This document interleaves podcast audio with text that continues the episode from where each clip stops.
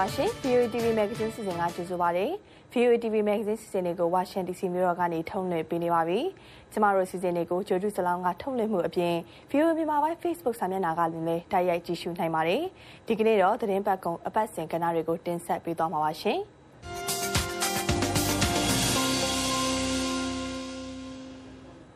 အခုသတင်းတော်မှတ်စုစီစဉ်ကိုတင်ဆက်ပေးပါမယ်။ မြန်မာနိုင်ငံမှာလက်ရှိဖြစ်ပေါ်နေတဲ့နိုင်ငံရေးအခြေအနေတိုင်းရေးပြည်ရဲ့အနေအထားတွေကိုသတင်းတောက်တဦးရဲ့ရှုထောင့်ကနေတင်ဆက်ပေးထားတာဖြစ်ပါတယ်ရှင်။မြန်မာနိုင်ငံမှာကျန်းမာရေးဝန်ကြီးဌာနရဲ့အစီအစဉ်နဲ့ကိုဗစ်ကာကွယ်ဆေးထိုးသူတွေရှိသလိုကိုယ့်အစီအစဉ်နဲ့ကိုအခကျင်းငွေပေးပြီးကာကွယ်ဆေးထိုးကြသူတွေလည်းရှိပါတယ်။ကိုဗစ်ရောဂါကြောင့်သေဆုံးမှုကိုလျှော့ချနိုင်ဖို့ကာကွယ်ဆေးထိုးကြဖို့ကိုလည်းကျန်းမာရေးပညာရှင်တွေကတိုက်တွန်းထားပါတယ်။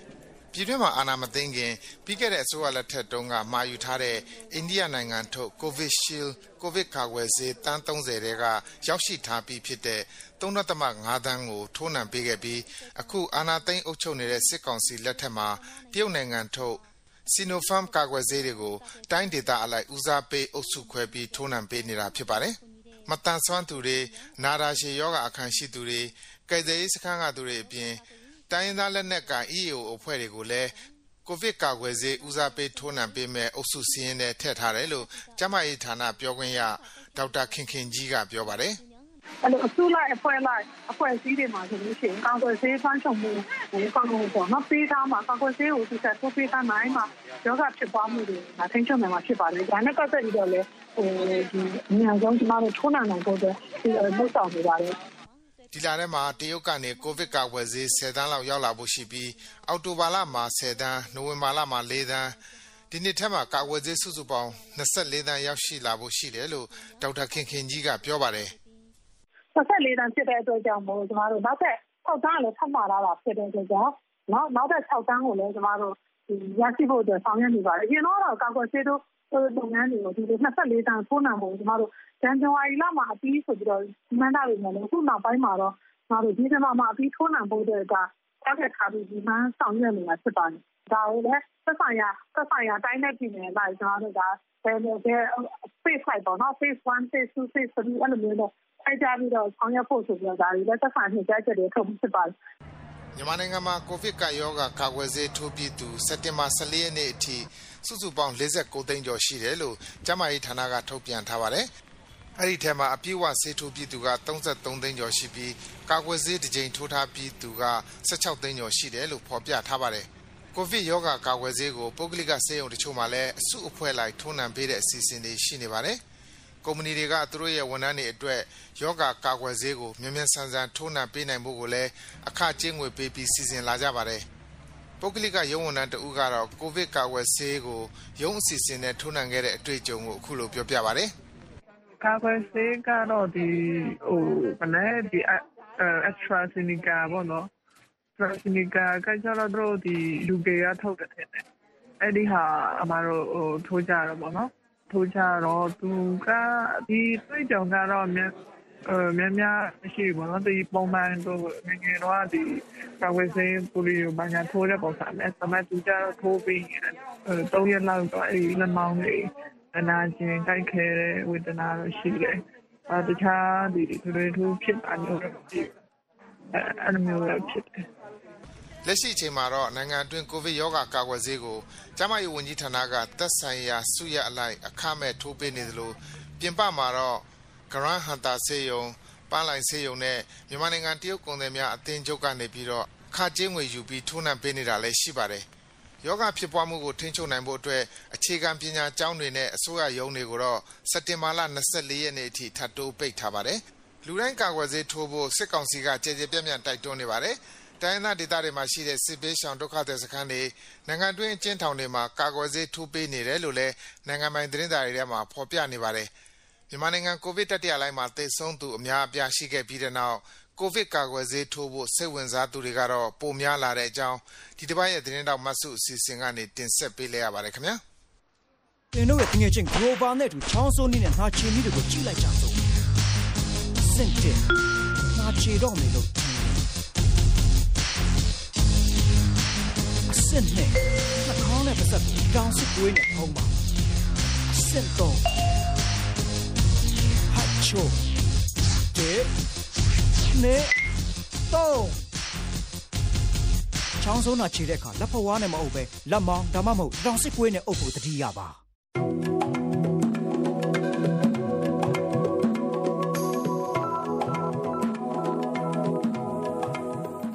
ခုတစ်ခါမှာတော့တင်းငွေနေ့ထဲမှာတင်ဆက်ပေးနေတဲ့လူလူနဲ့ကျမ်းမာရေးစီစဉ်အလှည့်ရောက်ပါပြီ။အများပြည်သူအနေနဲ့သတိထားရမယ့်ကျမ်းမာရေးဆောင်ရှားမှုတွေကို လူလူနဲ့ကျမ်းမာရေးစီစဉ်မှာဒေါက်တာတန်းစောကတင်ဆက်ထားပါတယ်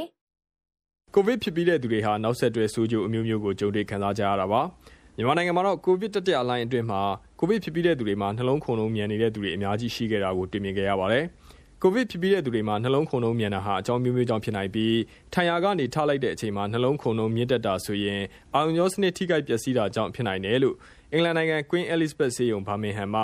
ကိစ္စရောဂါအထူးပြုလေးလာနေသောဆရာဝန်တဦးဖြစ်သူဒေါက်တာကျော်ကျော်ထွန်းကပြောပါတယ်။နှလုံးခုန်တာမြန်တဲ့အခြေအနေကိုပြန်ကြည့်လိုက်မယ်ဆိုရင်အခြေအနေအမျိုးတွေကပထမတစ်ခုပြောမယ်ဆိုလို့ရှိရင်ပထမတစ်ခုကじゃကျွန်တော်သူ့ဘယ်လိုခေါ်လဲဆိုတော့အဲ POTS ပေါ့နော် postural orthostatic tachycardia syndrome လို့ခေါ်တယ်အဲ့အဲ့အကြောင်းဘာကြောင့်ဖြစ်တာလဲဆိုလို့ရှိရင်ဒီ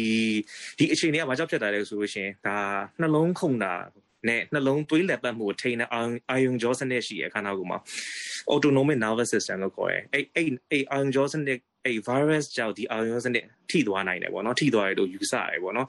ယူဆပြီးတော့ဒီအခြေအနေဖြစ်တာပေါ့သူကကြောင့်ဘာဖြစ်သူကနာမည်ပြောတဲ့အတိုင်း postural ဆိုတာဒါခန္ဓာကိုယ်ရဲ့ position ကိုလိုက်ပြီးတော့ဥမာထားပါတော့အို င်အားကနေပြီးတော့ရုတ်တရက်ထားလိုက်တယ်အဲ့လိုမျိုးချိန်ကြလို့ရှိရင် heart rate ကမြန်သွားတယ်ပေါ့နော် heart rate တွေမြန်တက်လာတယ်ပေါ့အဲ့လိုမျိုးဒါအဲ့ဒါတော့သူကျွန်တော်တို့အဲ့ postural orthostatic tachycardia ဆိုတာယဉ်တုံတာပေါ့နော် heart rate မြန်တာလို့ခေါ်တယ်ပေါ့နော်သူ့ရဲ့ underline ကခုန underline ကဘာကြောင့်ဖြစ်တာလဲဆိုရင်ခုနပြောတဲ့အတိုင်းပဲခုနကအဲနှလုံးခုန်တာနဲ့သွေးလက်ပတ်မှုထိန်းတဲ့ iron jaw စနစ်ထိသွားတယ်လို့ယူဆရတယ်ပေါ့နော်ဟုတ်အဲ့အားကြောင့်အဲ့အားကြောင့် heart rate မြန်တက်တယ်ဒါနံပါတ်1အချက်ပေါ့နော်ကိုဗစ်ကြောင့်အဆုတ်မှာအမာရွတ်ဖြစ်လာပြီးအမာရွတ်တွေများလာလို့အောက်ဆီဂျင်ဝင်ရောက်တာနည်းလာတယ်ဆိုရင်သွေးရင်းအောက်ဆီဂျင်ပမာဏလျော့နည်းလာတယ်လို့သိရပါတယ်သွေးထဲမှာအောက်ဆီဂျင်ပမာဏလျော့နေနေခြင်းဟာလည်းနှလုံးခုန်လုံးမြန်စေတဲ့အကြောင်းရင်းတစ်ခုဖြစ်တယ်လို့ဒေါက်တာကျော်ကျော်ထွန်းကရှင်းပြပါဗျ။နောက်တစ်ချက်ကကျတော့ဘာကြောင့်လဲဆိုလို့ရှိရင်ကိုဗစ်ဖြစ်ပြီးအားလုံးသိတဲ့အတိုင်းပဲကိုဗစ်က အဆုတ်ကိုထိတယ်အဆုတ်ထိတဲ့ခါကျအဆုတ်မှာပါကြံခဲ့တယ်ဆိုရင်အမာရွတ်ကြံခဲ့တယ်အဲ့ဒါကြောင့်ကြံခဲ့တဲ့အမာရွတ်အနေတချို့ကျတော့နည်းနည်းကြံတာရှိများများကြံတာရှိအဲ့ကြောင့်အမာရွတ်အနေများပေါ်မူတည်ပြီးတော့ဘာဖြစ်လဲဆိုတော့ဒါ land fibrosis ပေါ့နော်ဒီအမာရွတ်တွေကဘာဖြစ်တယ်ဆိုတော့ပုံမှန်အဆုတ်လိုမဟုတ်တော့တဲ့ခါကျ gas exchange ကမကောင်းအောက်ဆီဂျင်အောက်ဆီဂျင်ဝင်တာပုံမှန်လူလိုမရအောက်ဆီဂျင်ပုံမှန်လူမရတဲ့ခါကျတော့ဘာဖြစ်တယ်လဲဆိုတော့အောက်ဆီဂျင်သွေးထဲမှာပုံမှန်95%ကျော်ရမယ်ဆိုရင်95အောက်ကိုရောက်ရောက်နေတယ်ပေါ့နော်အဲ့လိုအောက်ဆီဂျင်နည်းနေလို့လည်းဒီ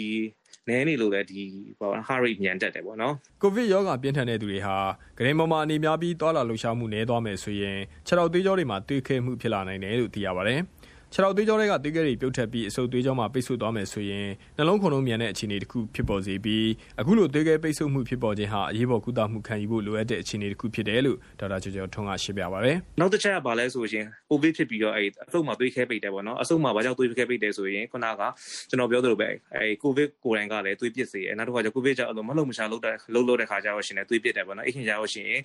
သွေးအဲ့ခင်ကျတော့ရှင်သွေးခဲလေးဖြစ်တယ်။သွေးခဲလေးကအဓိကဘာမှဖြစ်တယ်ဆိုရင်ခြေထောက်တွေမှာဖြစ်တယ်ပေါ့နော်။ခြေထောက်တွေမှာသွေးခဲတွေဖြစ်တယ်။အဲ့သွေးခဲကပြုတ်ထွက်သွားလို့ရှိရင်ဒါအဆုတ်မှာသွားပိတ်တတ်တယ်ပေါ့နော် pulmonary embolism လို့ခေါ်တယ်အဲ့လိုမျိုးအဆုတ်မှာသွေးခဲပိတ်လို့ရှိရင်လည်းကျွန်တော်တို့အာကျွန်တော်တို့နှလုံးခုန်တာတွေအဲ့ယောဂလက္ခဏာတွေနဲ့ဆိုရင်နှလုံးခုန်တာမြန်တတ်တယ်ပေါ့နော်နှလုံးခုန်တာမြန်တယ်ပြီးသားတခြားသူကမောတတ်တယ်အောက်ဆီဂျင်ရုတ်တရက်ကျလာတတ်တယ်ပေါ့နော်ပြီးရင်နောက်ချောင်းဆိုးရင်သွေးပါတတ်တယ်ချောင်းဆိုးရယ် ပြီးရင်အထိုင်ထမှာမူးနဲ့မိုက်လည်းဖြစ်တတ်တယ်အဲ့လိုအဲ့လိုဒီကောင်ဒီအစုပ်မှာသွေးခဲလို့ရှိရင်လည်းဒါဒါဒီနှလုံးခုန်တာမြန်တက်တယ်ဒါဒီလိုအခြေအနေကကြောက်ဒါလူလူအသက်အနေရရှိတယ်လေနော်အသက်အနေရရှိတဲ့ခါကျတော့ဒီလိုဒါဆိုလို့ရှိရင်တေချာလုံးဝအလိုကုသမှုခံယူရမယ်ဒီလိုအခြေအနေဆိုလို့ရှိရင်နော်နှလုံးကျက်သားရောင်ရမ်းတာကြောင့်နှလုံးခုန်လုံးမြန်စေနိုင်တယ်လို့ကိုဗစ်ကြောင့်ဆွေးရိမ်ပူပန်မှုများတဲ့သူတွေနဲ့စိတ်ဖိစီးမှုဖြစ်ပေါ်ခံစားနေရတဲ့သူတွေမှာလည်းနှလုံးခုန်လုံးမြန်လေးရှိတာကြောင့်နှလုံးခုန်လုံးမြင့်တက်နေပြီဆိုရင်အရေးပေါ်ကုသမှုလိုမလို့ဆိုတာကိုတည်တည်ချာချာသိရှိအောင်စစ်ဆေးဖော်ထုတ်ပြီးကုသမှုတွေကိုအမြန်ဆုံးခံယူသင့်တယ်လို့ဒေါက်တာကျော်ကျော်ထွန်းကရှင်းပြပါတယ်။နောက်တစ်ချက်ကြောက်ပါလဲဆိုရင်ဒါတော့ရှားပါပါတယ်။တချို့လူတွေမှာကျတော့ကိုဗစ်ဖြစ်လို့ရှိရင်ဒီကိုဗစ်ကနှလုံးကြွက်သားတွေကိုရောင်ရမ်းစေရပေါ့နော်။မာယိုကာတဲ့နှလုံးကြွက်သားတွေရောင်ရမ်းတယ်။ရောင်ရမ်းလို့ရှိရင်လည်းနှလုံးတုံတာမြန်တတ်တယ်။တချို့လူတွေကကျတော့လည်းဘာဖြစ်သွားလဲဆိုနှလုံးညှစ်အားကျသွားတယ်ပေါ့နော်။ပုံမှန်နှလုံးညှစ်ပုံမှန်ညှစ်ညှစ်ရညှစ်ညှစ်တက်လောက်ကိုနှလုံးသွေးမညှစ်နိုင်တော့ဘူးပေါ့အဲ့လိုမျိုးအခြေအနေ heart failure ပေါ့နော်အဲ့လိုအခြေအနေကြောက်ရှင်လည်းဟာဒါ heart rate မြန်တက်တယ် တချို့တချို့ကြတော့ဘာကြောင့်ဖြစ်တတ်တယ်ဆိုရင်ဒါ covid ကြောင့်လို့ anxiety တွေဝင်တယ်သူ swing ပူပန် depression တွေဝင်တယ်အဲအဲ့လိုမျိုးကြောင့်အဲ့လိုမျိုးအခြေအနေကြောင့်လည်းဒါ heart rate တွေတက်တက်တယ်ပေါ့နော် covid တတိယလှိုင်းမှာမြန်မာနိုင်ငံမှာ covid ဖြစ်ပြီးတဲ့သူတော်တော်များများမှာနှလုံးခုန်လုံးမြင့်တက်ခဲ့တာကိုတွေ့မြင်ခဲ့ရတာကြောင့် covid လူနာတွေမှာနှလုံးခုန်လုံးမြင့်တက်စေတဲ့အကြောင်းအရာတွေအကြောင်းကိုသိရှိစေနိုင်မှုအတွက်သတင်းပေးပလိုက်တာဖြစ်ပါတယ်ကျွန်တော်တန်းစောပါခုလက်ကိုစီ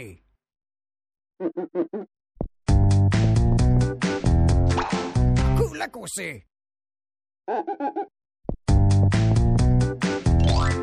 ခုလက်ကိုစီ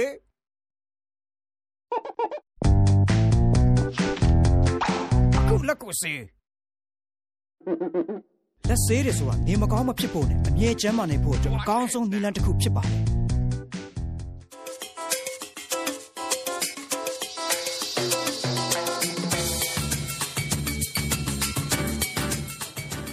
အခုတစ်ခေါက်ကဘာတလောခီးသွားစီစဉ်မှာကဘာပေါ်မှာသွားကျင်စရာကောင်းတဲ့ဘယ်နေရာတွေကိုမက်စမြမုံကခေါ်သွားပေးမလဲဆိုတာကိုကြည့်ရအောင်ပါ EU ဥရောပသမဂ္ဂအဖွဲ့ဝင်နိုင်ငံတစ်ခုဖြစ်တဲ့ Czech သမ္မတနိုင်ငံမှာအမိုးအကာမရှိတဲ့နေရာတွေမှာနှာခေါင်းစည်းတက်စရာမလိုတော့တဲ့ဖြေလျှော့မှုတွေအပါအဝင်ကိုဗစ်ရောဂါထိန်းချုပ်ရေးစည်းကမ်းတွေကိုဖြေလျှော့ပေးထားပါတယ်။ဒါကြောင့် Prague မြို့တော်ကကမ္ဘာလှည့်ခီးသည်တွေအသွားများတဲ့နေရာတွေမှာပြန်ပြီးစီကားနေပါတယ်။မြို့ဟောင်းရှိတဲ့အရက်က သမိုင်းဝင်အထင်ကြီးနေရာတွေမှာလူတွေကြိတ်ကြိတ်တိုးနေပါတယ်။15ရာစုတွေကမြို့တော်ခမ်းမအဆောက်အဦဟောင်းမှာတက်ဆင်ထားတဲ့နိုင်စဉ်ရှိမှဆိုရင်မြင်ရတဲ့အတိုင်းလူတွေနဲ့ပြည့်နေပါတယ်။နက္ခတ်ဗေဒအခြေအနေတွေကိုပါပြတဲ့အလဲခစ်လက်ရာရှေးဟောင်းနိုင်ကြီးမှာတနအီထိုးတိုင်းပိတ်ထားတဲ့တကားနှစ်ချက်ပွင့်သွားပြီးတော့ယေရှုခရစ်ရဲ့တမန်တော်12ပါးရုပ်ထုကလေးတွေကိုမြင်ရတာကြောင့်ဒါကိုကဘာလှည့်ခီးသည်တွေစောင့်ကြည့်နေကြတာဖြစ်ပါတယ်။အခုလိုဧည့်သည်တွေပြန်များလာနေပေမဲ့ အရင်ကိုဗစ်မဖြစ်ခင်အခြေအနေပြန်မရောက်သေးဘူးဆိုတာကိုတော့မြို့ရဲ့နောက်ထပ်အထင်ကြီးဖြစ်တဲ့ Charles Bridge တရားကြီးပေါ်မှာမြင်နိုင်ပါတယ်။ကြောက်တရားလို့မူလာကခေါ်ခဲ့ကြတဲ့အလဲခေတ်လက်ရကြောင်တုံးတွေနဲ့ဆောက်ထားတဲ့တမိုင်းဝင်တရားကြီးပေါ်မှာအရင်ခီးသွားတွေများချိန်ကဆိုရင်ဧည့်သည်တွေနဲ့တိုးဝင်နေလို့အခုလိုအေးအေးလူလူလမ်းလျှောက်နိုင်တဲ့အခြေအနေမရှိခဲ့ပါဘူး2019ခုနှစ်က Prague မြို့စီလာကြတဲ့ဧည့်သည်တွေအရေးအတွက်နဲ့နှိုင်းယှဉ်ရင် အခုက80ရာခိုင်နှုန်းလောက်ကျသွားတယ်လို့ Czech သမ္မတနိုင်ငံရဲ့ခီးသွားလုပ်ငန်းတာဝန်ရှိသူကပြောပါတယ် So we are still under big pressure of COVID. We have naturally we see now some increases, but ကိုဗစ်တန်ကိုကျွန်တော်တို့ခံနေရတော့မှာခီးသည်တွေပြန်များလာတာမှန်ပေမဲ့ကိုဗစ်ကပ်ရောဂါမဖြစ်ခင်2019ခုနှစ်နဲ့နှိုင်းယှဉ်တော့ဧည့်သည်30ရာခိုင်နှုန်းလောက်ပဲရှိပါသေးတယ်။နိုင်ငံတကာဧည့်သည်တွေနည်းနေပါသေးတယ်။အခုမြင်ရတဲ့ဧည့်သည်အများစုက check ပြည်တွင်းကသူတွေပါ။ နိုင်ငံထဲမှာပန်းဖြီခီးထွက်ကြသူတွေအများများလာပါတယ်။ဒါပေမဲ့တရုတ်၊ရုရှား၊အမေရိက၊ကိုရီးယား၊ဂျပန်တို့ကလိုနိုင်ငံခြားခီးဝေးကလာကြသူတွေမလာကြသေးပါဘူး။2019ခုနှစ်တုန်းကချက်နိုင်ငံကိုနိုင်ငံတကာကကမ္ဘာလှည့်ခရီးသွားဧည့်သည်22တန်းနီးပါးလာခဲ့ပြီးတော့ဒါဟာစံချိန်တင်များတဲ့အရေးအတွက်ဖြစ်ပါတယ်။အခုဆိုရင်တရုတ်ဂျပန်တောင်ကိုရီးယားစတဲ့အာရှနိုင်ငံတွေကလာတဲ့သူ60ရာခိုင်နှုန်းကျော်လျှော့ကျသွားတာပါ။အလားတူအနောက်ဥရောပနိုင်ငံကဧည့်သည်တွေလည်းသိပ်မလာကြသေးပါဘူး။ ကိုဗစ်ကာကွယ်ဆေးထိုးပြီးတဲ့အမေရိကန်ဧည့်သည်တချို့တော့လာလည်နေကြပါတယ်။ back in the, the deep dark of last winter when everything felt closed down and miserable, we needed something to look အားလုံး forward သိနေ to. ပြီးစိတ်ဆင်းရဲစရာဖြစ်ခဲ့ရတဲ့ပြီးခဲ့တဲ့နှစ်ဆောင်းရာသီကလေးကတစ်ချိန်ကြာရင်တော့သွားလိမ့်မယ်ဆိုတဲ့မျှော်လင့်ချက်နဲ့နေရာရွေးခဲ့ကြပါတယ်။ဒီနေရာကကျမတို့သဘောအကျဆုံးနေရာတစ်ခုလည်းဖြစ်ပါတယ်။လက်မှတ်ဈေးကလည်းအတော်လေးကိုတတ်တာလို့ဇန်နဝါရီလတည်းကလက်မှတ်ဝယ်ထားခဲ့တာပါ။ ဒီခီးထွက်ရမယ်နောက်ဆုံးအချိန်အထိ ဒီလောက်ဝေးတဲ့ခီးကို သွားလို့ရပါမလားဆိုပြီး မရေမရာ ဖြစ်ခဲ့ပါသေးတယ် It's just a relaxing, beautiful place. It ဒီမှာ အေးအေးဆေးဆေး အနားယူလို့ကောင်းတယ် လှလဲလှတယ် ကျမတို့စိတ်ကို အေးချမ်းစေပြီးတော့ စိတ်ခွန်အားတွေ ပြန်ပြီးတော့ပြေလာစေပါတယ် ကမ္ဘာလက်ခီးသွားဧည့်သည်တွေနေသွားလို့ ဧည့်သည်တွေကိုမိခိုအားထားနေရတဲ့ အလုပ်တွေလည်း ထိခိုက်နေကြပါတယ်။အဲလန်ညွန်တွေအပါအဝင် တချို့ခီးသွားလုပ်ငန်းလုပ်သူတွေ တခြားအလုပ်တွေ ပြောင်းရှာနေကြပါတယ် It was depressing. It was uh, hard to get over with. မတန်စိတ်ပြတ်ဖို့ကောင်းတဲ့အခြေအနေကြီးကိုကျော်လွှားနိုင်မှုဆိုတာကသိခက်တယ်လေဒါပေမဲ့လေကဘာကြီးမှာအရာရာပြောင်းလဲနေတာဆိုတော့စိတ်ညစ်စရာအခြေအနေကြီးကတည်မြဲနေမှာမဟုတ်ဘူးဆိုတဲ့မျှော်လင့်ချက်နဲ့အသက်ရှင်နေရတာပါပဲလေ။အရင်ကိုဗစ်ကပ်ရောဂါမဖြစ်ခင်ကဥရောပနိုင်ငံတွေကနေလွယ်လွယ်ကူကူလာလည်နိုင်ခဲ့ကြတဲ့ဧည့်သည်မျိုးတွေအခုတော်တော်လေးရှားနေပါတယ်။အထူးသဖြင့် လေရင်ခရီးနဲ့လာကြတဲ့အနောက်ဥရောပတိုက်သားတွေတိတ်လာတော့မှမဟုတ်ဘူးလို့ချက်ခီးသွားလုပ်ငန်းကခန့်မှန်းထားပါတယ်။ Prague မြို့တော်ကိုလက်ရှိလာလည်နေကြသူတွေကမော်တော်ကားနဲ့လာနိုင်တဲ့အိမ်နီးချင်းနိုင်ငံတွေပြည်တွင်းဧည့်သည်တွေများပါတယ်။အတော်လေးထိခိုက်နေတဲ့ဟိုတယ်လုပ်ငန်းလုပ်သူတွေကတော့အခုအခြေအနေကိုပဲကျေနပ်နေကြရပါတယ်။ We wish it would stay the same as it is right now for example. အခုလိုအခြေအနေမျိုးဆက်ဖြစ်နေစေချင်ပါတယ်ပြီးခဲ့တဲ့နှစ်ကဆိုရင်နွေရာသီမှာပြန်ကောင်းလာတော့မလို့လို့နဲ့ စက်တင်ဘာလရောက်ရောကျွန်တော်တို့ပိတ်လိုက်ရပါတယ်ခရစ်စမတ်ရောက်တဲ့အထိပိတ်ထားခဲ့ရတော့ပါအဲ့ဒါကြောင့်အခုလိုအခြေအနေမျိုးနှစ်ကုန်တဲ့အထိသာဆက်ဖြစ်နေမယ်ဆိုရင်ကျွန်တော်တို့အတွက်အားတက်စရာမျိုးလင့်ချက်ရှိတယ်လို့ပြောရမှာပါ Prague မြို့တော်က Maximilian Hotel မှာ2019ခုနှစ်ကတည်းကစရင်လာတဲသူ90ရာခိုင်နှုန်းကျသွားပါတယ်။ Czech ခီးသွွားလုပ်ငန်းတာဝန်ရှိသူတွေကတော့ဥရောပနိုင်ငံတွေမှာခီးသွွားကန့်သက်ချက်တွေမကြာခဏပြောင်းနေတာကြောင့်ဟိုတယ်လုပ်ငန်းတွေအဓိကထိခိုက်နေတာလို့မြင်ပါတယ်။ဒါကြောင့် EU ဥရောပသမဂ္ဂအနေနဲ့အဖွဲ့ဝင်နိုင်ငံတွေအားလုံးတညီတညွတ်ထဲကန့်သက်ချက်တွေဖြေလျှော့ပေးဖို့လိုတယ်လို့ပြောပါတယ်။ every week we have different rules for different countries then it's very confusing for tourists and we need one solution for Europe အပတ်တိုင်းနိုင်ငံတစ်ခုကစီးကမ်းတစ်မျိုးစီထုတ်နေကြတော့ကမ္ဘာလက်ခီးသွားတွေအတွက်မျက်စိလဲစရာဖြစ်ပါတယ်။လုံခြုံစိတ်ချရတဲ့နိုင်ငံကသူတွေလာခွင့်ပြုရဲဆိုတာမျိုး ဥရောပသမဂ္ဂရဲ့စီမင်းတစ်ခုပဲရှိတင်ပါတယ်။မဟုတ်ရင်အပတ်တိုင်းဘယ်နိုင်ငံကလာခွင့်ပြုတယ်လာခွင့်မပြုဘူးဆိုတာမျိုးစီးကမ်းတွေကပြောင်းနေရင်လာလေကျင်တဲ့သူတွေခေါင်းရှုပ်ပြီးတော်ပါပြီဥရောပမသွားတော့ဘူးဆိုတာမျိုးဖြစ်သွားနိုင်ပါတယ်။ Czech သမ္မတနိုင်ငံရဲ့2021ခုနှစ်ခီးသွွားရာသီကာလမှာ Prague မြို့တော်တွင်းကတချို့နေရာတွေမှာပုံမှန်လိုဧည့်သည်တွေပြန်များနေပြီလို့ထင်ရပေမဲ့တကယ်တမ်းမှာခက်ခဲတဲ့အချိန်တွေကိုကျော်လွှားနိုင်ခဲ့ပြီလို့ ပြောလို့မရနိုင်သေးတဲ့အခြေအနေမှာပဲရှိနေပါသေးတယ်ရှင်။ကျွန်မဆုမြတ်မော်ပါ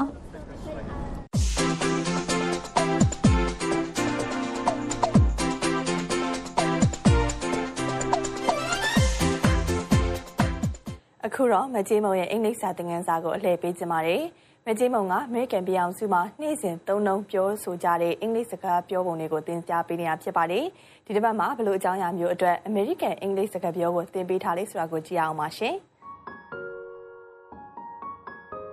So interjection is so easy. Um, there's only two things that you really need to know. A mild interjection. Interjection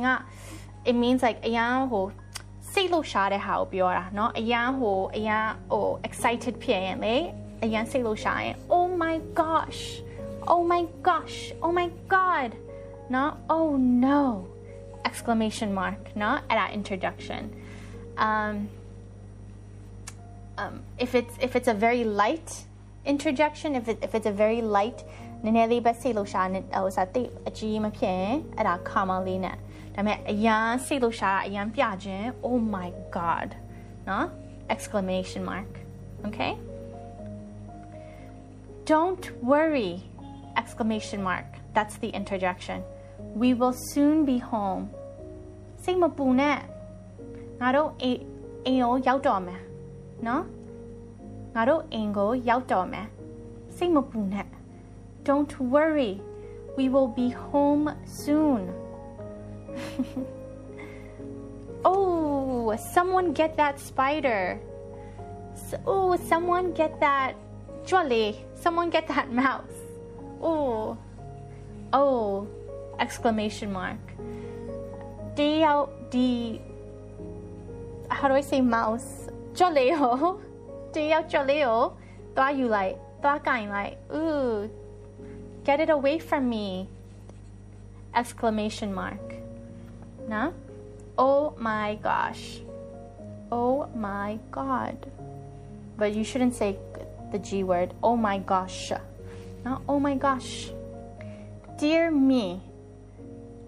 I'm so sorry for your loss. I'm so sorry for your loss. Not dear me so that oof exclamation mark. Because ayan pionia. Say lo shut up pionia. Nonsense! Of course the boy, your crush, likes you. Nonsense! ဘာပြောနေရလဲ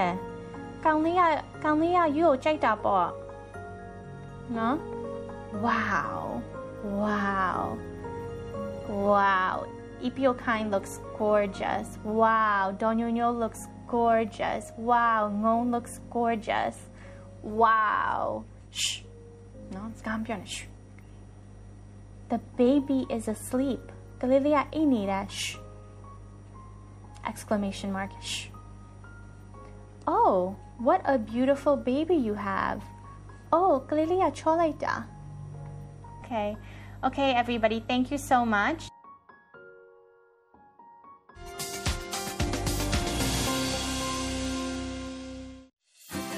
VOA American တန်ရဲ့ရုပ်သံနဲ့ရေဒီယိုထုတ်လွှင့်မှုတွေကိုနေ့စဉ် American ပြည်အောင်စုဝါရှင်တန်မြို့တော်ကနေဓာတ်ရိုက်ထုတ်လွှင့်တင်ဆက်ပေးနေပါတယ်။ဂျိုရုဖမ်းယူမှုနဲ့ line to meter တို့အပြင်ကျမတို့ VOA မြန်မာပိုင်း internet စာမျက်နှာဖြစ်တဲ့ burmese.voanews.com မှာလည်းကြည့်ရှုနားဆင်နိုင်ပါတယ်။ VOA မြန်မာ internet စာမျက်နှာကိုဝင်ကြည့်လို့မရရင်တော့တခြားနောက်နည်းလမ်းတွေနဲ့လည်းဝင်ကြည့်လို့ရပါတယ်။အဲဒီနောက်ထပ်နည်းလမ်းတွေကိုရဖို့ဆိုရင် Siphon link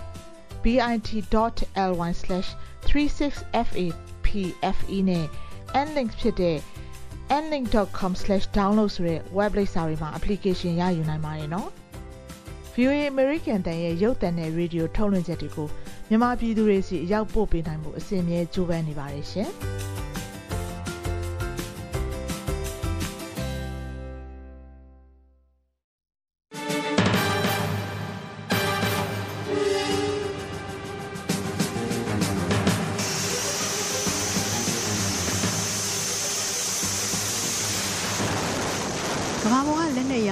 ဟာလွန်ခဲ့တဲ့9နှစ်နဲ့နှိုင်းယှဉ်လိုက်ရင်6ရာခိုင်နှုန်းမြင့်လာတယ်လို့ SIPRI လို့ခေါ်တဲ့ Stockholm နိုင်ငံတကာငြိမ်းချမ်းရေးဆိုင်ရာသုတေသနအဖွဲ့ကြီးကပြောဆိုလိုက်ပါတယ်။ဒီလိုလက်နက်ထုတ်လုပ်ရောင်းဝယ်မှုတွေနဲ့ပတ်သက်ပြီးစည်ရင်းစရာအချက်လက်တွေကိုကြည့်တဲ့အခါကမ္ဘာပေါ်ကစစ်လက်နက်ထုတ်လုပ်မှုနဲ့စစ်ဖက်ဆိုင်ရာနဲ့ဆက်နွယ်တဲ့ကုန်ပစ္စည်းနည်းပညာ ထုတ်လုပ်ရောင်းဝယ်မှုတွေမှာ အမေရိကန်ပြည်ထောင်စုက ထိတ်ဆုံးနေရာမှာရှိနေတာဖြစ်ပြီးကမ္ဘာပေါ်ကလက်နက်ရောင်းချမှုအားလုံးရဲ့38ရာခိုင်နှုန်းရှိတယ်လို့ဆိုပါတယ်။ငါးနှစ်အတွင်းအမေရိကန်ပြင်သစ်နဲ့ဂျာမနီနိုင်ငံတွေရဲ့လက်နက်ရောင်းဝယ်မှုတွေကမြင့်မားလာပြီးရုရှားနဲ့တရုတ်ကတော့အနှဲငယ်ကျဆင်းသွားတယ်လို့လည်းသူတေသနာပြုအချက်လက်တွေမှာဖော်ပြထားပါတယ်။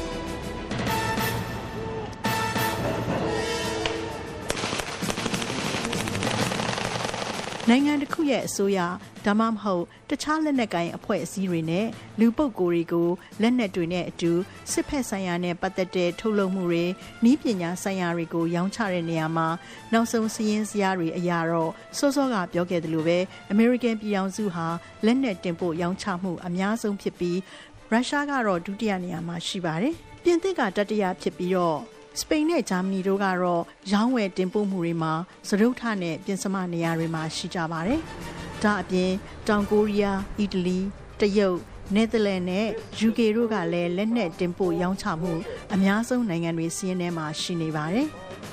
အမေရိကန်ပြည်ထောင်စုအနေနဲ့အခုလိုကမ္ဘာမှာလက်နက်တင်ပို့ရောင်းချမှုအမြင့်ဆုံးနေရာမှာရှိနေတယ်လို့လက်နက်နဲ့စစ်ဖက်ဆိုင်ရာနဲ့ပတ်သက်တဲ့စစ်လေယာဉ်တွေကအစထုတ်လုပ်မှုတွေအားလုံးနဲ့ဤပညာဆိုင်ရာတီထွင်မှုတွေမှာလည်းထိတ်ဆုံးနေရာမှာရှိနေတာပါ။ American ပြည်ထောင်စုက Lockheed Martin, Boeing, Northrop Grumman, Raytheon Technologies, General Dynamics L3 Harris Technology ဆိုတဲ့ကုမ္ပဏီကြီးတွေဟာလက်ရှိကမ္ဘာပေါ်ကစစ်ဖက်ဆိုင်ရာလက်နက်နဲ့တခြားဆက်ဆက်တဲ့ထုတ်ကုန်တွေဤပညာတွေတီထွင်ထုတ်လုပ်မှုအများဆုံးကုမ္ပဏီကြီးတွေဖြစ်ပါတယ်။ဒီလိုထုတ်လုပ်မှုအများဆုံးကုမ္ပဏီတွေထဲမှာတရုတ်နိုင်ငံက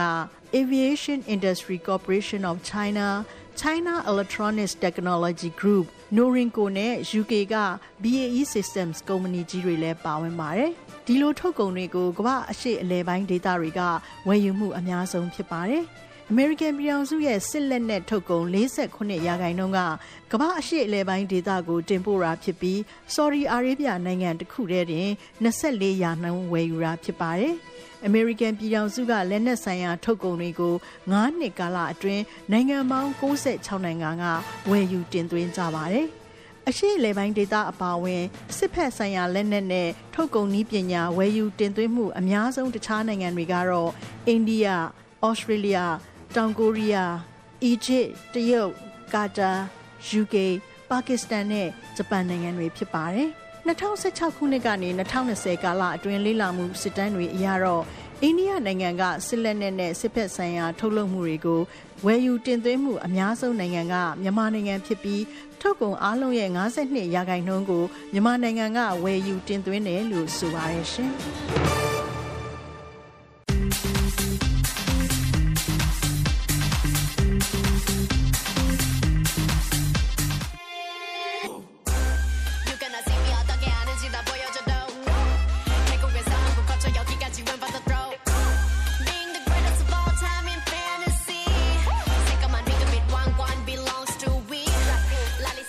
မ္ဘာကျော်ကိုရီးယား K-pop အဖွဲ့တစ်ဖွဲ့ဖြစ်တဲ့ Blackpink အဖွဲ့ထဲမှာပါတဲ့ထိုင်းမာလေးလီဇာရဲ့ပထမအဦးဆုံးတစ်ယောက်တည်းသချင်းတပြထွက်တော့ထိုင်းမာရိုးရာဝတ်စုံတွေအကြီးအကျယ်ရောင်းကောင်းကုန်ပါတယ်။ရွှေရောင်လက်လက်နဲ့ထိုင်းရိုးရာဝတ်စုံဝတ်တဲ့လီဆာကိုသူ့ရဲ့သချင်းဗီဒီယိုမှာတွေ့ရပါတယ်။လာလီဆာဆိုတဲ့သချင်းဗီဒီယိုမှာလီဆာကထိုင်းမခိုက်ကိုဝတ်ထားတာမလို့သူ့ရဲ့ပရိသတ်ရောသူပါတဲ့ Blackpink အဖွဲ့ရဲ့ပရိသတ်ကရောထိုင်းရိုးရာဝတ်စုံ ဝယ်ဖို့အတွက်ဘန်ကောက်ဆန်ပန်လက်လီရောင်းစီကိုပြေးလွှာရောက်လာခဲ့ကြတာ ช่วย ပါ ได้มากเลยค่ะ คือว่ากระแสของเขาเนี่ย แค่วันสองวันนี้ก็คือว่า သူတို့ဆိုင်ကနေအွန်လိုင်းကအမှားတွေတော်တော်ရပါတယ်တဲ့ဒီဆိုင်မှာလည်းတော်တော်လာဝယ်ကြတယ်ကောင်းမှတက်တက်မကိုက်ဘာရောင်ရှိလဲဘယ်လိုဒီဇိုင်းရှိလဲဆိုပြီးတော့လာမေးကြပါတယ်လို့ fashion point ရိုးရာဝတ်စုံအစင်တစားရောင်းချတဲ့ဆိုင်ဝန်တန်းဆမ်မွန်ဆူတီဝန်ကပြောပါတယ်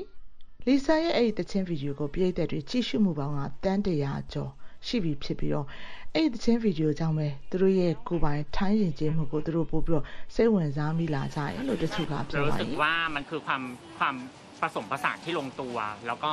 ဒီက fashion နဲ့ရိုးရာဒလေးပေါင်းထားတာကအကောင်းဆုံးအနေထားပါထိုင်းရိုးရာပုံစံကိုကျမတို့ရဲ့နေ့စဉ်ဘဝမှာလွယ်လွယ်ကူကူထည့်လိုက်တဲ့သဘောဖြစ်ပါတယ်လို့လီဇာပရိသတ်တရက်ကပြောပါတယ် လက်လုံးမကိုက်တစ်ခုဟာ9ဒေါ်လာခွဲနဲ့ဒေါ်လာ30ကျော်လောက်ထိဈေးပေးရပြီးတော့ရိုးရာအခမ်းအနားတွေနောက်ပြီးတော့ထိုင်းရင်ကျေးမှုအကာတွေဒီလိုထိုင်းရင်ကျေးမှုအသားပေးတဲ့အခမ်းအနားတွေမှာဝတ်ဆင်တတ်ကြတာဖြစ်ပါတယ်ဒီဆိုင်ဟာသူတို့ရဲ့ပစ္စည်းတွေကိုနိုင်ငံခြားနိုင်ငံတွေအထူးသဖြင့်မြန်မာတရုတ်တိဘက်နဲ့ကမ္ဘောဒီးယားတို့ကိုလည်းတင်ပို့ရောင်းချနေရပါတယ်ရှင်